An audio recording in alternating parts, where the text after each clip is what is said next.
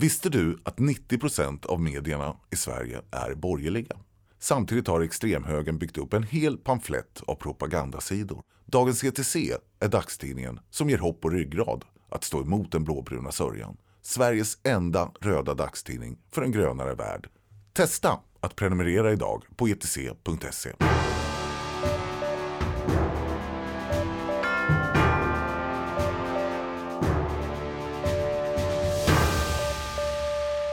Hej och välkomna till ett nytt avsnitt av Tyckpressen, Dagens ETCs ledarpodd.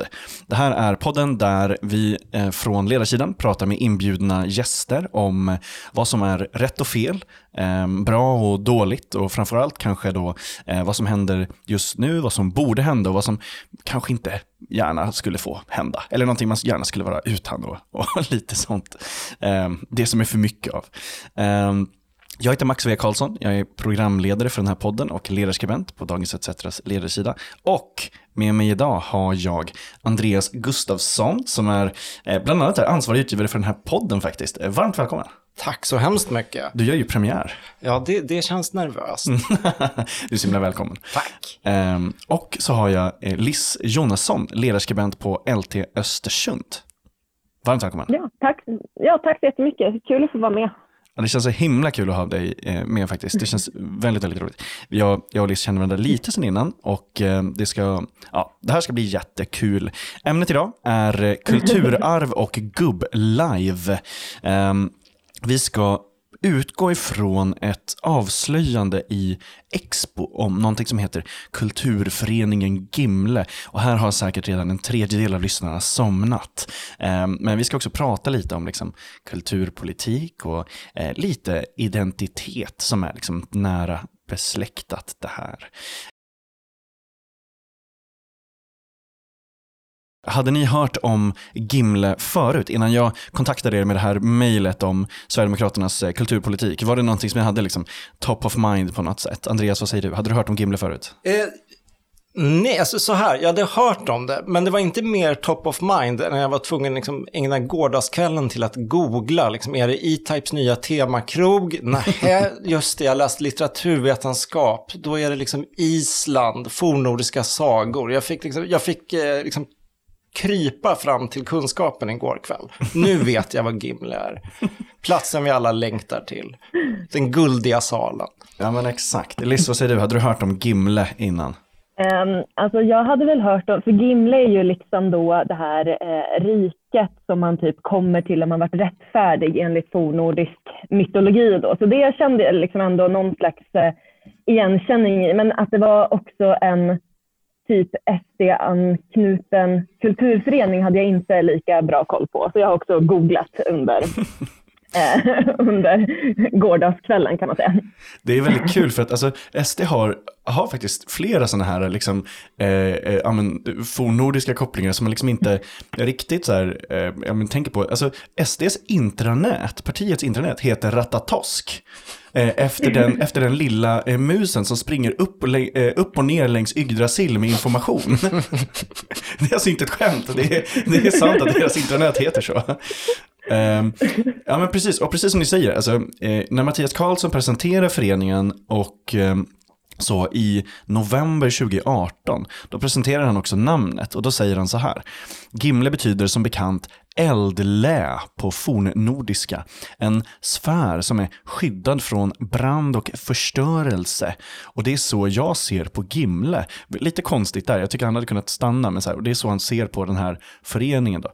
Um, och så säger de, ja men eh, vi är en förening som värnar och vårdar det som många andra i vår nutid har glömt, kastat bort eller aktivt vill förstöra.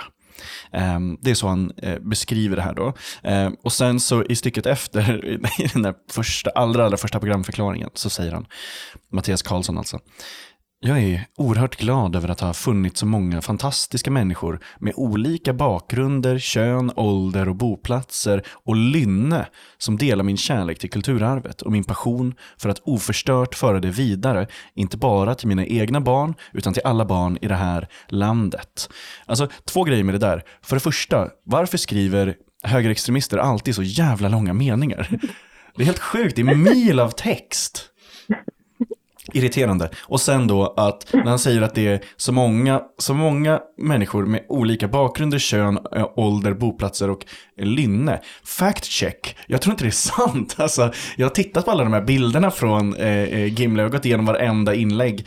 Eh, det här med liksom olika bakgrunder, kön och ålder. Eh, ja, vi tvekar. Det, det, är liksom en, det är nog mest bara en grupp av män som är lite överintresserade i fornnordisk mytologi, tror jag. Verkligen, föpar. Eh, fornnordiskt överintresserad person. ja, exakt. Men Mattias Karlsson tycker jag är så himla intressant, för han har enorma pretensioner och sen har han vad det verkar ganska låg praktisk förmåga att genomföra sina planer. Alltså man får se det på två olika sätt. Alltså dels är det ju det som lockar medierna att skriva om Gimle. Men han, han förevisar oxdans för liksom en lagom engagerad krets och trill, så trampar han in, liksom in i hundbajs och, liksom, och sen mm. kastar han varpa så att... Eh, eller vad heter det? Kast, stöta stång? Ja, stöta stång. Han, är, han vill vara riksdagsledamot som stöter stång. Ja, precis. Alltså det, det, det, det, finns liksom ett parodiskt skimmer och sen bakom det här finns liksom en djup liksom revolutionär tanke att liksom kullkasta hela liksom, med ja, vad han kallar kulturmarxismen. Mm. Ja men verkligen, verkligen. Och, och som du säger, alltså, det, det första du sa där, att han liksom tänker väldigt högt men sällan liksom lyckas ordentligt. Det leder oss in på, eh, väldigt utmärkt på den allra första punkten idag.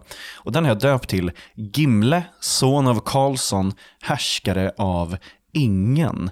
Ehm, det här är en beskrivning som ja, men lite eh, eh, såklart blickar till Gimli, eh, alltså son av Gluin, som någon som har läst Sagan om ringen och, och, och gillar det här, de kom, som lyssnar, de kommer, de kommer hurra. Men det är en kul grej, mest för att um, det här föreningen som Mattias beskriver som en, en viktig nyckel, den är ju en del av Mattias Karlssons generalplan för kulturkriget. Men det är den minsta delen. Först så har vi då Oikos, det här trädet som till och med har det här trädet som en, en logotyp. Um, det är ju den eh, tankesmedjan som till och med liksom, eh, Dan Korn, eh, borgerlig skribent, lämnade för att gå till Bulletin. Liksom, han lämnade Oikos för att gå till Bulletin för att han tyckte att det liksom verkar som en bättre verksamhet. Eh, men, och sen så finns det också då konservativa föreningen, som är, eller konservativa förbundet, eh, som är den här studentföreningen som är världens mest uppenbara SD-front, där man ska försöka låtsas att liksom, universiteten styrs av typ kulturmarxister med andra ord. Ehm, det är alltid konstiga namn och, och sånt här.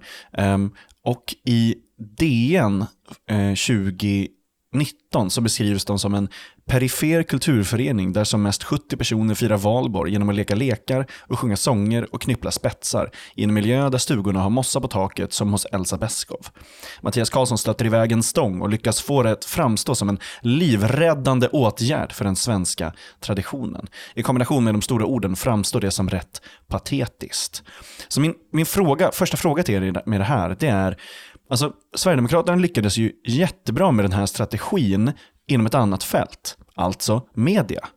Eh, Riks har slagit ut flera av de andra eh, extremhögersatsningarna egentligen och, och medialt. Och, eh, typ alla lite högre om SD är liksom svinlacka på Riks just nu. Eh, men när det kommer då till kulturpolitiken där SD säger sig bottna, där de ska ha med sig stugorna egentligen, ehm, så, så händer det liksom inte så mycket. Eh, och sen händer jättemycket, vi ska gå in på expo-artikeln sen såklart, men eh, varför, varför lyckas de egentligen inte liksom komma igenom? Varför lyckas de inte break through i det här eh, kulturpolitiken när de lyckas medialt och på massor av andra ställen samtidigt i, i samhället? Vad skulle du säga Alice? Um, nej, men, nej men det är väldigt korta svaret, nu kanske jag raljerar lite här, men är det inte, bara, det. Det de, är det inte bara att det de håller på med är rätt så töntigt? Alltså det är väl liksom ingen, alltså det är väl ingen som är intresserad, alltså även de här personerna som de försöker liksom få med sig på att beskriva hur eh, det svenska eh, liksom kulturarvet är hotat, de är väl inte särskilt intresserade av att fira valborg med sån här liksom, stångstötning och eh, de hade ju också i det här DN-reportaget som du pratade om hade de ju också eh, konstiga masker på sig och liksom skulle göra någon parad. Potatissäckar, alltså, ja exakt. De ser ut som Scarecrow liksom... i Batman Begins. ja men exakt, de har liksom satt så här potatissäckar på huvudet och dekorerat med kottar och så tänker de att det kommer liksom få gubbarna i stugorna att vilja, vilja gå med på deras kulturpolitik. Alltså, men det, jag vet inte. Jag Just tror det. att det Hitta tillbaka till svenskheten genom potatissäcken. Alltså, jag, jag, jag, jag tror att du har väldigt rätt i det. Jag tror att målgruppen för att vilja stå och frysa i skogen med Mattias Karlsson med en potatissäck över huvudet och äta någon så här kall gammaldags gröt typ. Jag tror att det, det, det finns säkert en, en målgrupp för det, men att den är mycket, mycket mindre. Nej, men det, det, är väl liksom, om ett lite mer seriöst svar skulle väl vara att det kanske snarare liksom hade varit mer, eh, mer effektivt att satsa på liksom lite mer det här eh, populärkulturella som ju ändå, alltså de pratar ju ändå om identitetspolitik och att liksom mm. eh, att det finns det här, liksom, att det ska vara så, ett sånt feministiskt raster över allting och så. Eh, och det tror jag man skulle kunna liksom få med sig folk på. Det funkar ju uppenbarligen när man pratar om media som du, som du är inne på. Men, mm. eh, men just de här, liksom, alltså det är inte, det är inte så att liksom arga, eh, de här arga gubbarna liksom vill engagera sig i hembygds föreningen. Nej men precis, för det finns ju redan där. Många av de där finns. Och ja. dessutom var ju en av Gimles första fighter var med Spelmännens riksförbund. Och då vet man att då har man mm. fucked up. Då, eh, då har man liksom eh, gjort fel. Om man har liksom gjort Spelmännens riksförbund förbannade. Då, Spelmännens riksförbund arrangerade en föreläsning tillsammans med Expo om Gimle. Eh, faktiskt bara för, för ett tag sedan. Det var väldigt, väldigt, väldigt kul. Men Andreas, vad skulle du säga då? Varför, varför lyckas de på den mediala fronten men inte här med, med den här då, enligt dem, helt vitala delen för kulturkriget? Jag tror det handlar om tre saker kanske. Till att börja med tror jag inte att det är tillräckligt många som delar deras bild av vad kulturarvet innebär. Alltså det är en väldigt, på ett sätt, liksom fattig, insnävd bild av, av kulturarv som är någon sorts fäbodsmiljö, mytologiserad. Det är liksom mer Emil i Lönneberga. Liksom, Sveriges kulturarv är ju rikt och mångfald och influenser från många olika håll och allt det försvinner. Det blir otroligt liksom, intellektuellt ostimulerande för massan tror jag. Eh, nej men, sen det andra tror jag är att man har fel i sin grundanalys. Alltså, Mattias Karlsson snackade med, med Aftonbladet för drygt tio år sedan, Martin Ågård, och la ut sitt manifest på något sätt. Och det är att 68 kulturvänstern har tagit över alla samhällsinstitutioner, infiltrerat. Och eh, då måste liksom en radikal konservativ motkraft bryta ner det där och det stämmer liksom inte riktigt. Eh, vilket gör att den här motståndsrörelsen liksom framstår som så patetisk. Men alltså, sen, sen det tredje tror jag är att man faktiskt mobiliserar mot det här också. Hembygdsrörelsen kände ju av eh, Mattias Karlssons liksom, långtgående planer. Plockade in Expo, utbildade internt. Som du säger, liksom, spelmansrörelsen liksom, började liksom förstå vad som var på gång. Eh, och liksom, fäll, liksom, folkhögskolor, allt möjligt mobiliserar ju mot försöken från SD att få fotfäste. Det tror jag, det tror jag också spelar roll. Liksom. Även, även om Mattias Karlsson inte är den här liksom, machiavelliska personen som man själv kanske tänker ibland så så liksom, det är ju ett antal hundra personer i Gimle, säger de själva, som, eh, som skulle kunna ta över lokala hembygdsföreningar och så. Men det ser man till inte sker och det, det är ju bra.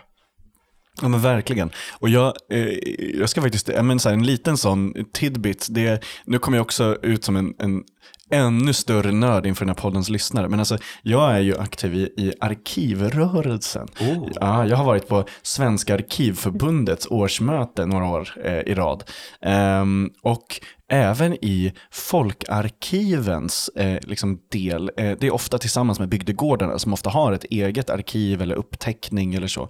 Eh, även där har man ju liksom mobiliserat för det här, så här, tagit ställning för mångfald, tagit ställning för vilka det är som eh, liksom har de här historierna och ska bära historierna framåt och sånt där.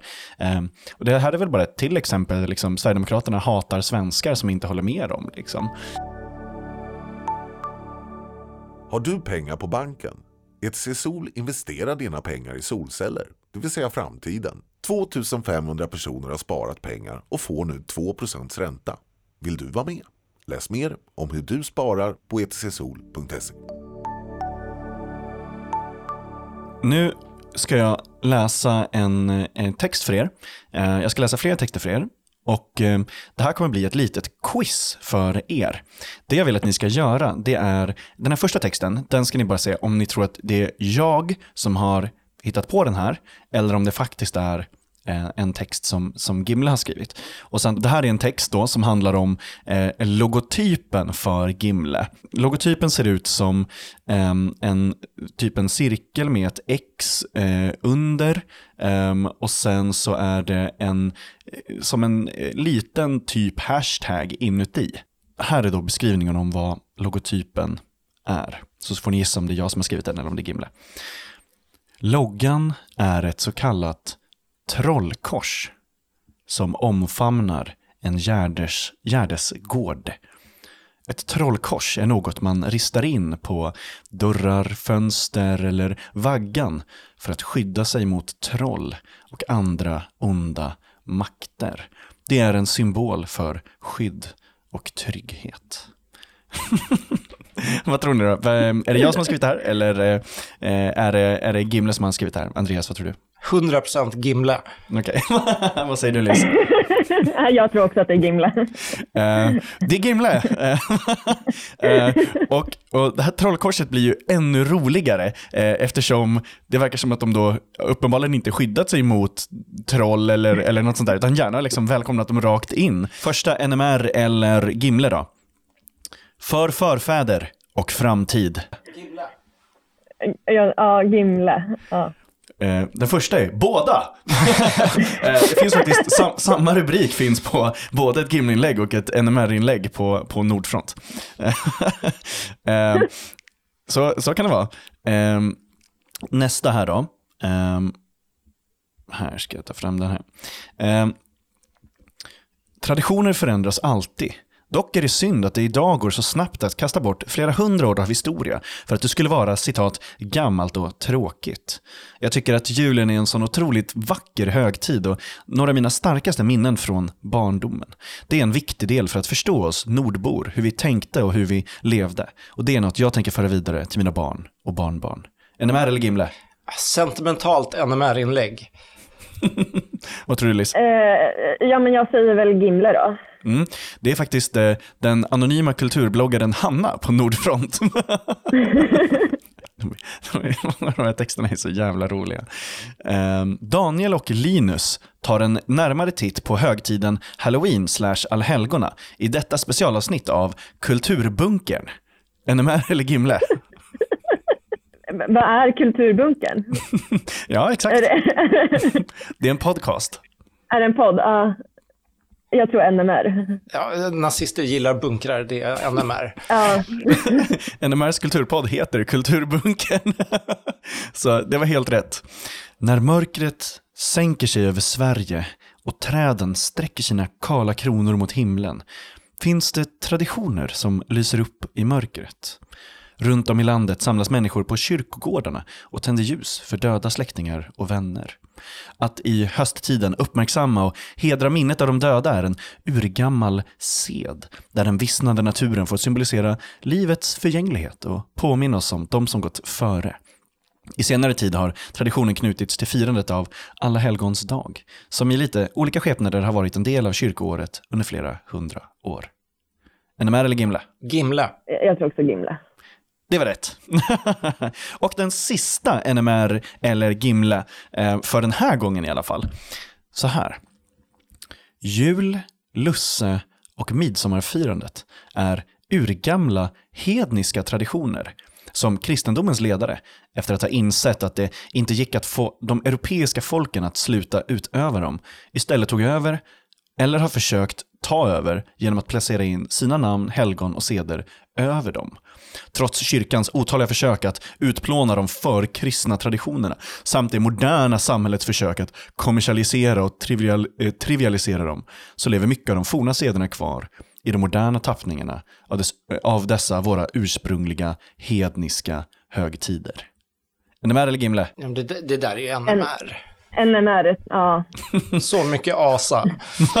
ja, det var NMR, eh, helt korrekt. Men det här är också en sån grej, att de kommer tillbaka till det här hedniska, båda de här. Eh, nu när vi har kört det här, då, först vill jag bara säga, men vad, vad tänkte ni om det här? Om eh, tävlingen NMR och Gimle? Fick ni några tankar i eller reflektioner av att ha spelat det här nu? Andreas, vad säger du?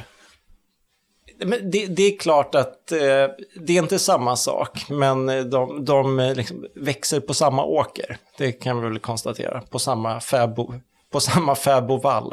Mm. Verkligen. Vad säger du, Liz? Eh, nej, nej, men, nej, men jag håller med, men också att det, eh, det är lite intressant att de både liksom bryr sig så mycket om de här kyrkliga traditionerna, men också vill poängtera att de egentligen eh, är då hedniska. Exakt. Eh, så. Ja men exakt, exakt. ja. Och, och båda de här, alltså, de har massor av inlägg som handlar om magi. Eh, eh, och liksom de magiska krafterna och typ att den här eh, blomkransen på midsommar ska ha helande kraft och sånt där. Typ, det kunde rädda sjuka barn och sånt där. Och där finns det en intressant, alltså det som är intressant med historien, det var väl typ att så här, ingen hade sjukvård och därför trodde man på liksom andra helande grejer. Eller liksom man, det, man fattade inte vad det var. Men det, det, är liksom, eh, de vill så himla gärna säga att de är kristna, men ändå också är liksom med foten ner i det här magiska asatro-biten. Liksom. Till och med, alltså Mattias Karlsson har kallat svenska för naturfolk kopplat till det här. Ja, men det, det finns ju något ursprung, jag tror det handlar, för att liksom psykoanalysera det här, tror jag att det handlar väldigt mycket om sex faktiskt. Okej, okay, ja, det här är eh, intressant. Nej, i någon sorts liksom ursprunglig manlighet, kvinnlighet, fruktbarhet, eh, liksom mannens särställning, alltså sex, könsidentitet. Alltså, jag, ty jag tycker väldigt mycket av vad som händer politiskt liksom handlar om den vilsna mannen som sök, söker nya vägar. Och eh, i Sverigedemokraterna hittar man väldigt många vilsna män. Sen är de djupt ideologiskt övertygade. Det är, det är precis, precis som NMR. Men ja, jag tror det handlar om, liksom, det är, när de lajvar sitt gärdsgårdsbygge så är det, liksom, det, det är det är något erotiskt över det. Men jag, jag, är, jag är beredd att hålla med. Alltså jag, jag har inte tänkt jättemycket på det, men, men NMR har ju Nu kommer också... du inte kunna sluta tänka på Nej, det. så är det verkligen. Fy fan. Du har satt på mig de här kulturarv-kåtglasögonen. eh, men eh, det är också så, alltså NMR betonar ju kanske över allting kvinnans roll i att föra vidare rasen. Eh, och då är det ju kopplat till det här, att man liksom, eh, så här, den världen den blonda svenska kvinnan ska föda sina barn in i liksom. Um, det, det, är verkligen så. Och sen så tycker jag att så här, lika med båda de här då, det är att de tycker inte att det är nog att det är jättemånga som firar de här högtiderna. Det är väldigt, väldigt viktigt att du firar det på rätt sätt. För att nu när det är jättemånga som gör det, då gör de det av fel skäl. Eh, barn som klär ut sig till påsk och är liksom glada, de vet ju inte hur det ligger till på riktigt. Eh, de som tänder ljus vid gravar, eh, de gör det av fel anledning. Om Carola sjunger på jul, då är det liksom rätt om det är enton, eh, entonigt rakt igenom och hon står bakom något skynke och liksom inte visar sig. Eh, men om det är liksom stämmor och ljussättning och programledare, då är det Satan. Eh, så det här är liksom ingen ny spaning, men båda de här grupperna, de hatar ju glädje. De hatar människor och de hatar Sverige.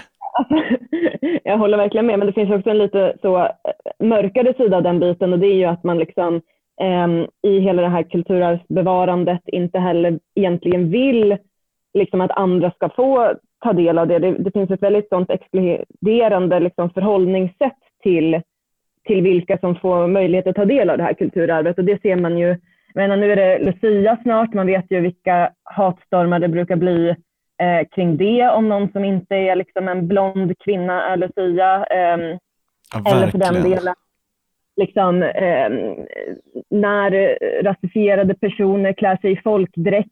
Eh, alltså den typen av, av liksom hat finns ju också mot när Alltså den mörka sidan av det du beskriver, alltså det, det är väl mörkt det du beskriver också, men, men om, det, som, det som man inte kan skratta åt om jag ja. säger så. Ja men verkligen, och du mm. sätter fingret på det väldigt liksom bra här, för att det, det är ju skillnaden mellan kultur och identitet på det sättet att Sverigedemokraternas identiteter är inte tanken att du ska kunna ansluta dig till om det inte är den typen av svensk som de egentligen då vill ha. Jag, jag har skrivit en ledare förut där jag kallar dem fega, för att när de säger svensk, då menar de egentligen vita, rakt igenom.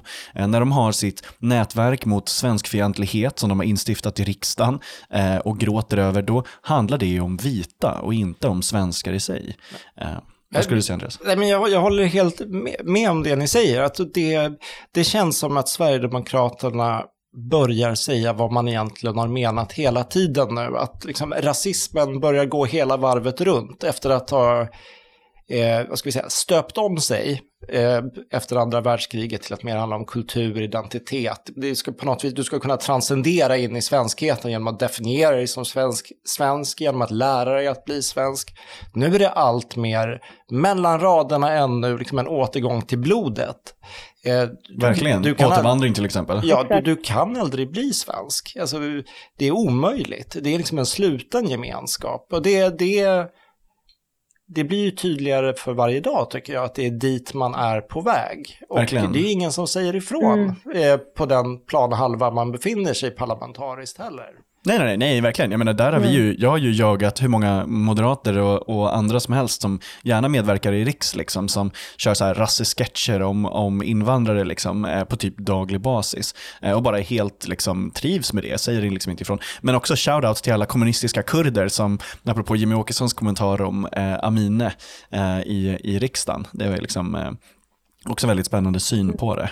Men jag, jag tänkte på det du sa Max också om att bilderna man får från Gimles verksamheter är ju en homogen vit miljö, åtminstone de bilder jag har sagt, sett. Och eh, Sverigedemokraterna pratar ju, pratar ju ändå fortfarande om att svenskhet ska vara någonting som du kan uppnå. Det här skulle kunna vara ett fantastiskt integrationsprojekt. Det är ändå en del av det svenska kulturarvet, liksom någon sorts bondemiljö tidigt 1900-tal. Eh, att bjuda in, liksom inkludera, men det är man ju helt ointresserad av. Ja, ja, nej, nej, och lägger inte resurserna på det. Alltså de vill ju inte det. De vill inte att det ska komma massa folk och bli medlemmar i Gimle, utan de, de trivs där med att liksom dricka mjöd och spela nyckelharpa, eh, som är två nice grejer, men inte om man gör det tillsammans med Sverigedemokrater. Eh, och här, det här är också en väldigt bra grej som leder över till den sista punkten. Vill du spara och samtidigt göra världen lite renare? Då har ETC tagit fram en lösning för dig. Vi har startat ETC Bygg för att få igång byggande av hyreshus utan vinstjakt, utan miljöförstöring och med lägre hyror. Spara direkt i husen till 2% ränta. Läs mer på etcbygg.se. Jag har döpt den sista punkten till Karl XII och högerdemonstrationer. Eh, nu ska jag läsa lite då från det här Expo-artikeln som är skälet till varför vi egentligen pratar om det överhuvudtaget i den här podden. Eh, Expo avslöjade då att den 30 november så eh, höll Gimle och, eh, eller så gjorde Gimle och Alternativ för Sverige gemensam sak. De höll en minnesmanifestation för Karl XII i Kungsträdgården i Stockholm. Ehm, även NMR var där faktiskt i det här fackeltåget. Ehm, och sen dess, eller efter det här fackeltåget, då, det, var, det var en föreläsare som läste en dikt. Eh, Gustav Kasslerhand, Kasselstrand var där och Ehm, eh, läste också och eh, så då har det ju blivit en, eh, en rätt stor grej. Eh, Mattias Karlsson skrev till den här delen av Gimle i Stockholm att de skulle plocka bort sitt Facebook-inlägg. Ingen sverigedemokrat har uttalat sig om det här än, ehm, men Gimle har då eh, hotat att utesluta hela den avdelningen ehm, för Gimle i Stockholm och även då den här eh, long time aktiva sverigedemokraten som, som eh, eh, leder det här, som heter Tage Pernch. Birch. Han företräder Sverigedemokraterna i, i eh, Stockholm faktiskt. Ehm, och så. så med det här då, så det jag vill säga först med det, det är visst är tiden en loop? För nu är vi tillbaka till Sverigedemokrater i Kungsträdgården, Karl XII, men vi är också tillbaka till när Sverigedemokraterna utesluter hela distrikt och alla i dem och liksom startar om verksamheten. Eh, vad tänkte ni när ni läste den här Expo-artikeln, eller när ni liksom hörde om det här Expo-avslöjandet? Vad tänkte du, Liz? Eh, nej, men jag tänkte dels på det som du säger, Max, att eh, det blir så himla tydligt att man eh, kommer tillbaka till den där punkten. Eh, och att man också då tydligen är på någon slags punkt då det anordnas eh, sådana här Karl XII eh, manifestationer igen. Jag tyckte också det var kul för den här eh, Tage Pernsch då, som då är någon slags lokal ordförande för Gimle. Eh, han, var ju, han hävdar ju då att han eh, var liksom förvånad över att Alternativ för Sverige var med och att NMR sen dök upp. Han var liksom, eh, så här, ja, han försöker då hävda att han inte trodde att det skulle dyka upp nazister när han anordnar en Karl XII manifestation. Eh, jag vet, äh, det, ja, det tycker jag är fascinerande bara. Verkligen, det är som att vara för, förvånad över, blom, ja, som förvånad över att det kommer blomflugor vid rutten frukt. Ja, lite så. Jag, jag håller helt med. Och dessutom i Kungsträdgården, där det är ju en, det är ju en liksom, eh, väldigt, väldigt tydlig, alltså det är inte en hundvissla, det är liksom en hundmegafon till de här personerna. Eh, för det är ju nämligen så, för de som kanske inte vet, eh, att under hela 90-talet och även slutet av 80-talet så präglades just Kungsträdgården som plats av eh, liksom, eh, nazistiskt våld en masse. Alltså det var hur mycket eh, eh liksom, fighter som helst. Det var Sverigedemokraterna liksom, eh, stod och typ heilade där i början av 90-talet framför statyn på Karl XII eh, som står och pekar på Ryssland, den här statyn i alla fall. Eh, och sen så gick de in i Gamla stan och rände och liksom slog folk i gränder i princip. Ehm, så, och här finns det också en sån folkgärning. Jag har pratat om Rosa mannen förut. Han har ett YouTube-konto som lägger upp gamla SVT grejer och lite sånt där. En toppen, toppen eh, folkarkiv-arkivist eh, eh, och aktivist, arkivist, aktivist. Ja, det är väldigt kul att se liksom många av de här eh, eh, klippen för att där, där intervjuar de ju massa sverigedemokrater eh, och de gör exakt samma sak som de gör nu. Eh, när ehm, Sverigedemokraterna får frågan eh, om det är så att de inte egentligen tycker att det är dåligt att VAM, Vitt ariskt motstånd och Bevara Sverige svenskt är eh, med i Sverigedemokraternas liksom, gatutrupper under 90-talet. Då säger dåvarande partiledare, som också var partiledare när Jimmy Åkesson gick med, att alla som har deras värderingar är välkomna att ansluta sig. Och när en av de här som läste dikten i Kungsan, Erland Ros, fick frågan av Expo så sa han ju att han såg vanliga svenskar och inga extremister politiska tendenser. Det är så härligt att man, liksom, man bara kan titta på någon och veta att de inte är nazist. Men det, men det är också, det är också att liksom undvika det här med att hela grejen med att vara med på en sån liksom Karl XII-manifestation är ju en extremistisk handling. Liksom. Ja, verkligen. Man bortser ju helt från det. Ja men verkligen, verkligen. Sen tycker jag det är lite loser-mentalitet att liksom fortsätta med Karl XII, så här. alltså maktsimperi och liksom följa, följa det. Jag menar, det, alltså, ja, det finns inte en historisk tolkning, men jag menar, det här, här har vi en kung som liksom, eh, eh, typ förlorade väldigt mycket, eh, satte sin befolkning i liksom en mycket sämre ställning, men sen så ska man liksom, deras liksom, tillbedjan, det går mycket ut på att man ska tycka synd om honom som typ person. Eh, och, och, det är en jävla udda inställning. Alltså jag kan liksom inte, om, om kungen gjorde någonting nu, eh, eller någon annan kung och liksom mådde lite dåligt av det, då skulle jag liksom inte tycka synd om dem. Men i dem så ligger det att man ska vara liksom tacksam mot den här rätta makten. Eh, Gustav Kasselstrand sa i sitt tal att han hellre skulle bo i en, en total monarki än under mångkulturell socialdemokrati. Eh, och det är liksom, det de säger där, det är också nästan lite erotiskt som du sa förut, Andreas. Jag tänkte precis att, säga, förlåt, jag satt precis och tänkte på det. kung daddy. Mm. Jag satt också bara och tänkte på det. Nej, men, men, Fan, det, vi kommer aldrig kunna tänka på något annat. Nej, glasögonen är fastlimmade i ansiktet. I, I deras begreppsvärld och föreställningsvärld så är, det, det finns ju ingen liksom mer manly man än Karl XII. Och liksom föreställa sig karolinerna som liksom va, va, vandrar in i främmande land på liksom jakt efter nya territorier. Det, det är ju liksom den, det är den, den rena manligheten på något vis man föreställer sig. Men jag, jag när det blir de här, vad ska vi säga, fusionerna mellan olika delar av den högerextrema rörelsen så tänker man ju bara igen, nolltolerans betyder ingenting. Nej, nej, det har eh, aldrig gjort det. Nej, nej. Det, det betyder ingenting. Dagens ETC gjorde ett, liksom en granskning för något år sedan då vi bara eh, vi kom över en databas över köp som har gjorts i liksom en nazistisk webbshop. Just det, Midgård. Ja, precis. Det. Mm. Och det var ju Sverigedemokrat efter Sverigedemokrat. Liksom man, man, man, man älskade liksom den nazistiska litteraturen och eh, ja, vissa var ju dubbelanslutna i liksom, nazistiska rörelser och Sverigedemokraterna. Eh, och det där ledde till ingenting.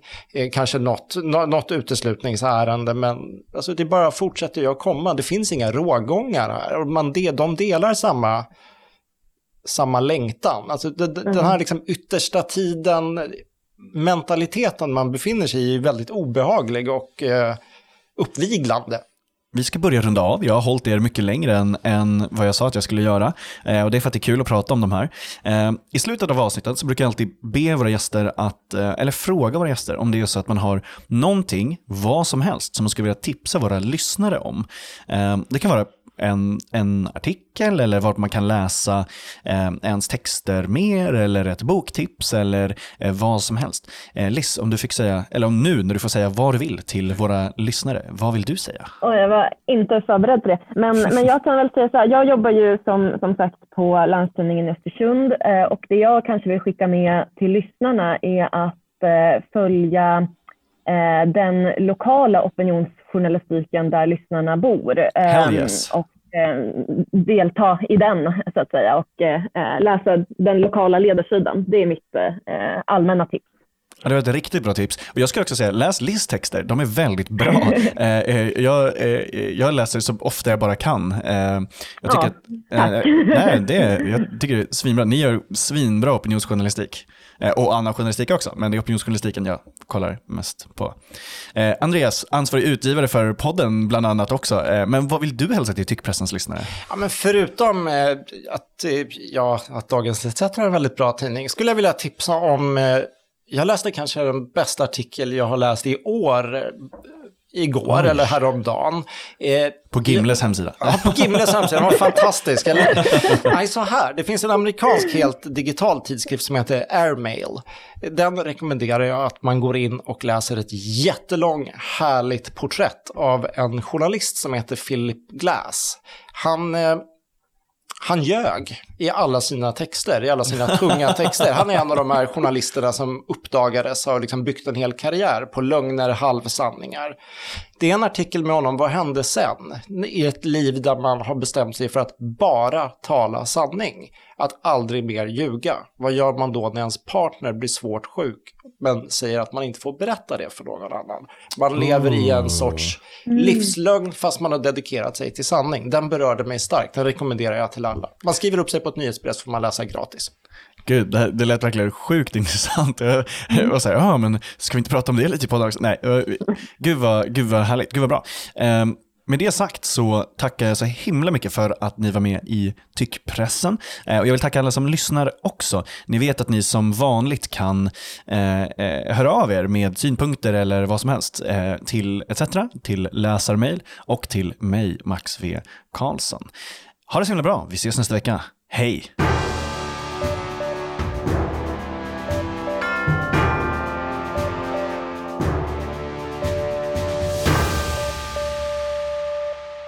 Visste du att 90% av medierna i Sverige är borgerliga? Samtidigt har extremhögern byggt upp en hel pamflett av propagandasidor. Dagens ETC är dagstidningen som ger hopp och ryggrad att stå emot den blåbruna sörjan. Sveriges enda röda dagstidning för en grönare värld. Testa att prenumerera idag på etc.se.